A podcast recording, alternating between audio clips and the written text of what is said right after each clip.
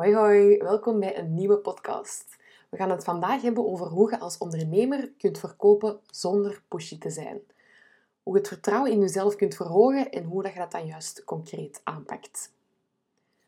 We zien verkopen vaak als opdringerig, omdat we automatisch aan een marktkramer of deur-aan-deur verkoper moeten denken.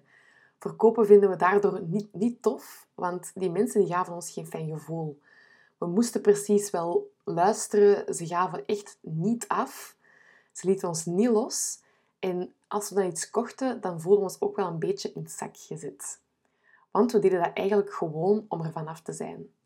En dat is uiteraard niet het gevoel dat wij aan onze klanten willen geven. Om ervoor te zorgen dat wij niet in hetzelfde straatje gaan belanden, gaan we eerst benoemen wat er fout is aan die aanpak. Hoe het niet moet. Puntje 1 is luisteren. Een pushy verkoper luistert niet. Ze hebben eigenlijk vooraf al bepaald wat ze aan u willen verkopen en zullen het gesprek ook volledig in die richting sturen. Ook al geefde jij signalen dat dat echt niet is wat je zoekt of wat je nodig hebt, die persoon geeft niet af. Het gesprek gaat dan ook eerder als een discussie voelen dan een conversatie. En dat brengt ons ook ineens naar puntje 2, schuldgevoel. Vaak wordt er door een pushy verkoper nog een lading schuldgevoel bovenop gegooid ook. Dat je zot bent, dat je het zover hebt laten komen, dat het enkel en alleen uw schuld is, maar dat zij de shit voor u wel kunnen opkuisen. Dat zij u wel een dienst willen bewijzen. Dat jij eigenlijk in uw polletjes mocht wrijven dat jij hen hebt gevonden. Dat is fout 2. Dan de derde fout. De pushy verkoper die wil vooral verkopen.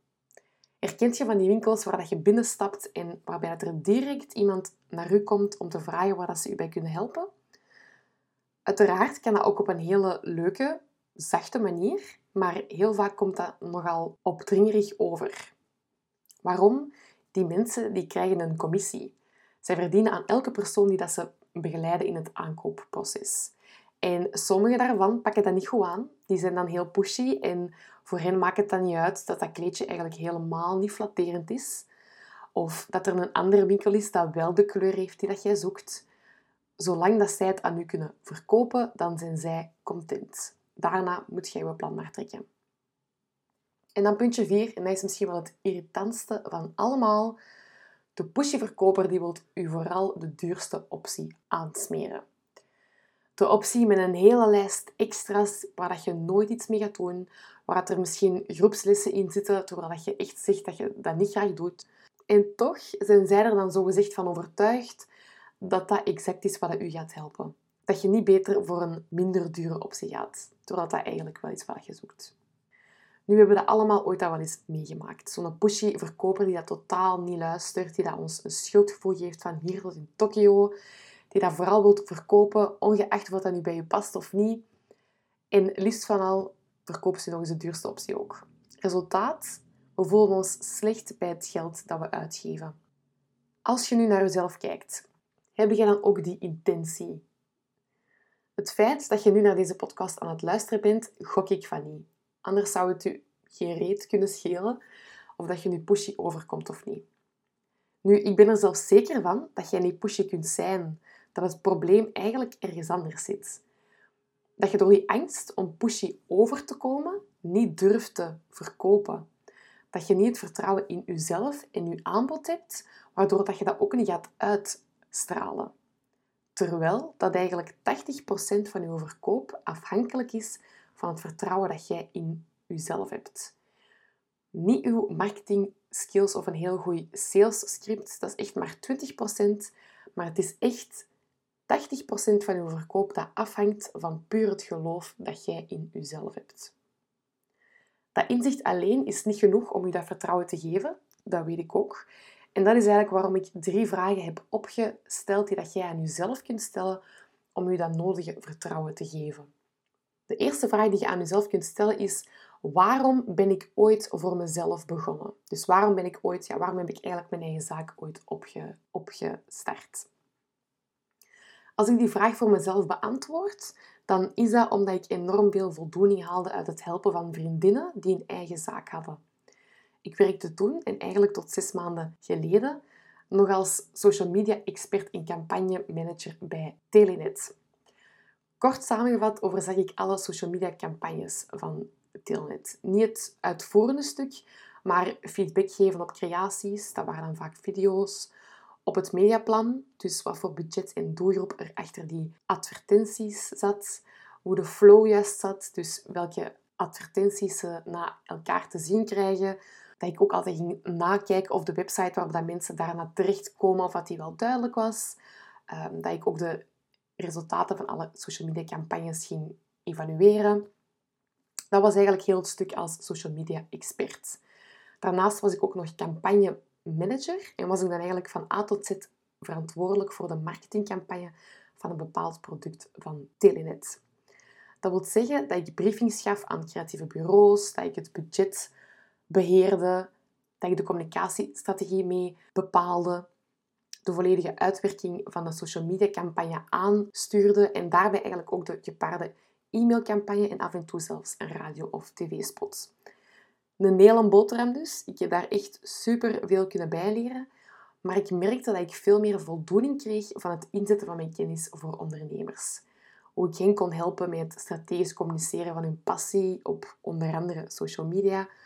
Maar ook hoe ik hun online verkopen kon stimuleren met het toepassen van sales funnels, het optimaliseren van hun website en e-mails. Die een directe impact op iemands zaak en eigenlijk vooral op iemands leven dat is wat ik echt fantastisch vind. Waarom dat ik eigenlijk bij elke klant ook altijd alles uit de kast zal halen. De tweede vraag die je jezelf kunt stellen is: wat voor gevoel geven tevreden klanten mij? Voor mij geeft het het gevoel dat ik iets heb kunnen betekenen in deze wereld.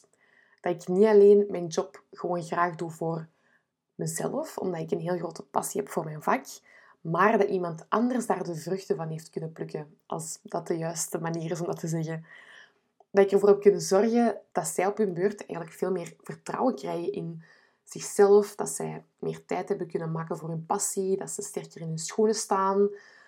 En eigenlijk vooral dat zij ook gewoon weer hebben kunnen zorgen voor tevreden klanten. Dus eigenlijk dat er een soort van sneeuwbal-effect is. Dat klinkt ehm, allemaal heel kumbaya en laten we rond een kampvuur gaan zitten en handjes vasthouden. Maar dat is eigenlijk wel waar ik het voor doe. En dan de derde vraag. Wat is de transformatie die klanten dankzij jou ondergaan? Als ik voor mij kijk wat dat juist is, um, ja, heel veel klanten die daar naar mij komen, zijn eigenlijk een beetje het vertrouwen in zichzelf wat kwijtgeraakt. Er zijn verschillende scenario's. Er zijn klanten die dat vinden dat hun concurrenten het supergoed doen, terwijl dat zij minstens of zelfs meer kennis hebben en dat ze eigenlijk geen idee hebben waarom dat ze dat niet kunnen overbrengen bij anderen. Terwijl er ook klanten zijn die dat op het eerste zicht kei goed bezig zijn op social media, die dat langs alle kanten complimenten krijgen, maar dat ze dat nog niet zien in hun sales. Dat ze eigenlijk superveel tijd steken in hun marketing, maar het levert eigenlijk ja, heel weinig op. Als ik naar mijn klanten moet geloven, dan zorg ik vooral voor heel veel helderheid en focus. Ik breng hen terug naar hun kern, dus waar dat ze het allemaal voor doen om van daaruit dan heel doelgericht acties te gaan nemen om hun expertise te claimen of een product of dienst te gaan lanceren, hen aan te leren hoe dat ze vlotter, hoe dat ze eigenlijk heel, heel hun proces veel vlotter kunnen laten lopen via funnels. En hoewel ik zelf nogal analytisch ben en heel graag naar de cijfers kijk, dus het, ja, het cijfermatige effect um, dat ik heb op die, op die klanten, is het voor hen vooral dat vertrouwen en die helderheid dat voor hen voor de grootste transformatie zorgt. Dat ze weten wat dat ze kunnen, waarom dat ze graag doen wat dat ze doen. En dat ze dat ook heel vlot kunnen delen naar, ja, met, de, met de buitenwereld. Goed, um, de vijf minuten stoeven voor mezelf zijn voorbij. Maar zo krijg je wel een heel goed idee van hoe dat je die vragen nu voor jezelf op kunt lossen. Als je dat gaat doen, dan garandeer ik u dat je de passie in u gaat voelen borrelen. En dat het zo voor jezelf heel tastbaar wordt wat jij voor je klanten eigenlijk wel niet kunt betekenen. Hoe jij hen echt op weg kunt helpen of hun leven zoveel gemakkelijker of leuker kunt maken. Vraag 3, dat, is, ja, dat kan wel een moeilijke zijn om dat voor jezelf dan te zeggen, maar stel die vraag dan gerust aan je huidige klanten. Dus dat je echt gaat vragen van oké, hoe voelde jij je voor onze samenwerking en na onze samenwerking? Eens dat je het antwoord op die vragen hebt, gaat dat niet alleen zorgen voor meer zelfvertrouwen, maar gaat je ook van daaruit over je product of dienst kunnen vertellen. Dat je gaat vertellen wat dat met je klanten doet, hoe blij dat jij daarvan wordt, hoeveel voldoening dat jij daarvan krijgt. En hoeveel zin dat jij ook hebt om andere mensen met hetzelfde probleem daarbij te helpen. Je gaat dus niet over je product of dienst vertellen vanuit het standpunt van we gaan hier eens hoeveel geld mee verdienen, maar vanuit het standpunt we gaan hier eens hoeveel mensen mee helpen. Je gaat in je communicatie dus niet benadrukken waarom je product of dienst zoveel beter is. Je gaat eigenlijk vooral vanuit u als persoon vertellen wat voor impact dat, dat heeft op uw klanten, maar ook op, ook op u. Hoeveel voldoening dat u dat geeft en hoe dat de klant zich na de samenwerking voelt en wat voor impact dat, dat dan ook bij jou heeft. Als je de podcast van vorige week hebt beluisterd, dan weet je ook dat 3 tot 5 procent van uw doelgroep nu op zoek is naar hulp. Als uw aanbod exact is wat zij zoeken, ben jij het ergens ook wel verplicht om dat met hen te gaan delen. Want als je je aanbod niet deelt, hoe gaan ze dan te weten komen dat het bestaat? Hoe gaan ze dan het resultaat kunnen bereiken dat ze voor ogen hebben? Dat is iets wat je heel hard in je achterhoofd moet houden als je nog eens schrik hebt om je aanbod te gaan, te gaan delen. Nu, de volgende drempel is dan meestal ook wel van oké, ja, wie ben ik dan om hen dat bij te gaan leren? Of wie ben ik om hen daarbij te gaan helpen? Dat schiet ook nog heel vaak in mijn hoofd, maar wat aan mij dan heel hard helpt, is dat je perfect je klant verder kunt helpen als jij minimum 30% meer weet of 30% verder staat dan uw klant. En laten we eerlijk zijn, de meeste onder ons zitten los boven die 30%. Zijn er mensen die dan nog verder staan als ons? Uiteraard. Dat is ook wat onze job zo plezant maakt, vind ik persoonlijk dat er altijd ruimte is om bij te leren. Daarbij komt ook dat het voor uw klant veel duurzamer is om stap voor stap richting dat eindresultaat te groeien. Obama is ook niet direct president geworden. Jij hoeft jezelf dus ook niet de druk op te leggen dat uw klant na het volgen van een cursus of een één-op-één traject direct alles moet weten of kunnen wat jij kunt. Jij hebt daar zelf ook jaren over moeten doen. Kennis overdragen op korte tijd kan zeker en vast, maar practice makes perfect. Het is pas door elke keer iets te doen dat we daar beter in worden. Daarom is het veel beter om hen te begeleiden naar stap 1 op een manier dat niet overweldigend is en dat ze direct praktisch mee aan de slag kunnen gaan, dan dat jij alles dat je weet met, met hen gaat delen, wat sowieso veel te veel is, waardoor dat je je klant eigenlijk gaat verlammen en ervoor gaat zorgen dat ze geen enkele stap zetten. Goed. We hebben het gehad over wat je zeker niet moet doen, of wat een pushy verkoper wel doet. Hoe dat vertrouwen in jezelf voor 80% meetelt in het binnenhalen van een verkoop. Hoe je bij het pitchen van je aanbod altijd moet vertrekken vanuit het eindresultaat dat uw klant dankzij u kan behalen en hoeveel voldoening dat jij daarvan krijgt dat jij meer dan genoeg kennis en ervaring hebt om hen daarbij te helpen en dat je hen niet ineens alles moet leren wat jij weet. Baby steps. En dan nu, wat doet een oprechte, behulpzame verkoper dan wel? Eerst en vooral luisteren. Ze laten nu eerst op je gemak wat rondkijken en spreken nu pas aan wanneer ze zien dat je iets aan het zoeken bent. Als we dat dan vertalen naar een online ondernemer, dan wil dat zeggen dat je eigenlijk regelmatig je aanbod gaat delen, bijvoorbeeld op je social media, en dat je het gesprek aan gaat gaan met personen die effectief interesse tonen. Die dat gestemd hebben op een poll bijvoorbeeld, of die dat reageren op je stories. Dus je gaat niet helemaal uit het niets zelf mensen gaan aanspreken en direct je aanbod pitchen, maar je gaat eerst een babbeltje doen. Je gaat horen waar dat je noden zitten, wat er niet goed gaat, wat er misschien wel goed gaat, waar je hen bij zou kunnen helpen. En in de eerste plaats gaat je hen misschien zelfs doorverwijzen naar een post of stories met meer tips. In vervolg, in vervolg, in vervolggesprekken kun je dan verwijzen naar een intake. Als je dan echt effectief aanvoelt van oké, die persoon zou er wel meer aan hebben uh, als we echt voor een diepere samenwerking gaan. Als ze die intake dan boeken en het dan dus eigenlijk een salesgesprek wordt, dan gaat je ook eerst luisteren. Uw eerste vraag is altijd of dat ze zelf hun noden kunnen benoemen. Waar dat het schoentje juist wringt en waar dat ze dan juist hulp bij zoeken. Nummer twee is mensen een goed gevoel geven bij hun aankoop. Een behulpzame verkoper die wil dat de klant ook zelf echt de aankoop wil doen. Dat ze zelf enthousiast zijn over je product of dienst en dat ze met plezier geld uitgeven omdat dat exact is wat ze zoeken en wat hen het resultaat oplevert dat ze voor ogen hebben. Terwijl de pushy-verkoper de verkoop binnenhaalt door mensen een schuldgevoel te geven. Te zeggen dat het allemaal hun eigen schuld is dat het niet lukt, of dat ze niet staan waar dat ze willen staan. Zij halen de verkoop ook binnen, maar de klant voelt zich eerst heel slecht, misschien zelfs gedemotiveerd. En dat is niet hoe je een samenwerking wilt starten. Je wilt net dat je allebei volledig opgeladen bent en dat je staat te springen om samen te werken. Dat je samen nog een niveau hoger kunt schakelen, maar er echt niks mis is met het niveau waar dat ze nu staan. Waar ze waarschijnlijk keihard voor hebben moeten werken, misschien zelfs allemaal alleen hebben moeten, moeten doen zonder hulp. Maar ze zijn nu klaar voor dat volgend niveau en jij kunt hen daarbij helpen. In je salesgesprek wil dat zeggen dat je eerst de noden van je klant gaat bevestigen. Dat je volledig begrijpt hoe dat ze zich nu voelen, dat het inderdaad niet gemakkelijk is en dat het zeker niet vanzelfsprekend is dat ze dat allemaal alleen kunnen of moeten doen. Want dat is ook niet. Daarna gaat je omschrijven hoe dat je hen daarbij kunt helpen. Je gaat focussen op het eindresultaat. Hoe jullie samen aan de slag gaan en dat je samen dat doel gaat bereiken.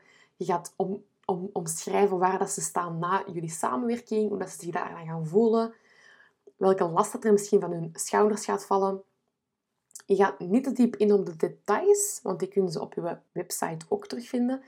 Maar je gaat vooral omschrijven wat ze gaan bereiken, hoe dat de samenwerking in een notendop verloopt en dat ze er niet meer alleen voor gaan staan. Dan puntje drie, en dat is helpen. Er is niks zo kut als een samenwerking dat niet goed is verlopen. Als uw klant niet content is, dan ben jij ook niet content. Jij wilt niet vooral verkopen, jij wilt vooral mensen blij maken en echt helpen.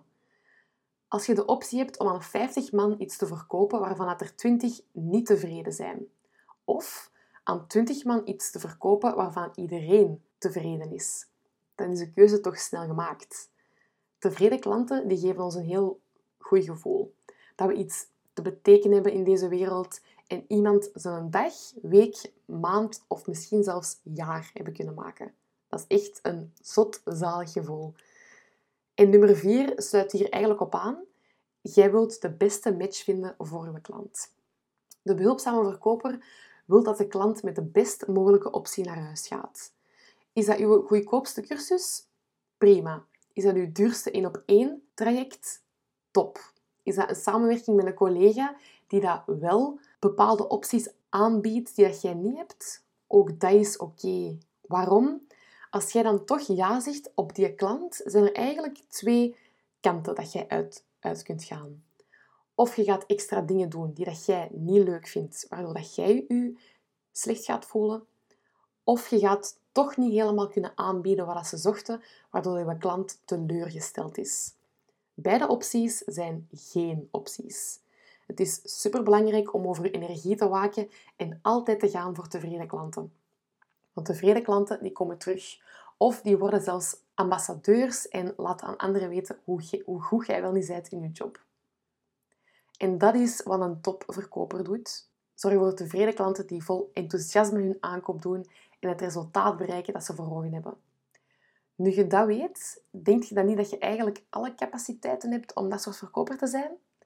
Die dat haar aanbod met plezier deelt, omdat ze weet dat dat voor mensen, ja, omdat ze weet wat dat voor mensen kan doen? Ik denk van wel. Maar om je alvast een klein duwtje in de goede richting te geven, heb ik een download gemaakt waarin ik uitleg hoe je via Instagram het gesprek met je klant aan kunt gaan.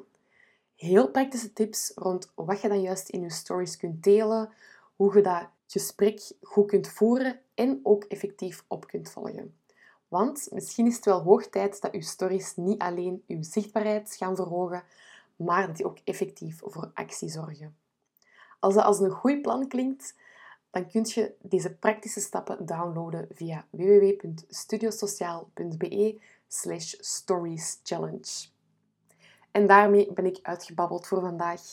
Dikke merci om hier te luisteren. Neem gerust een screenshot van deze podcast en deel het in je stories als je het waardevol vond. Vergeet mij dan zeker niet te taggen met het Studio Sociaal, want bij elke tag doe ik weer een vreugdedansje. Geniet nog van uw ochtend, dag of avond en tot snel.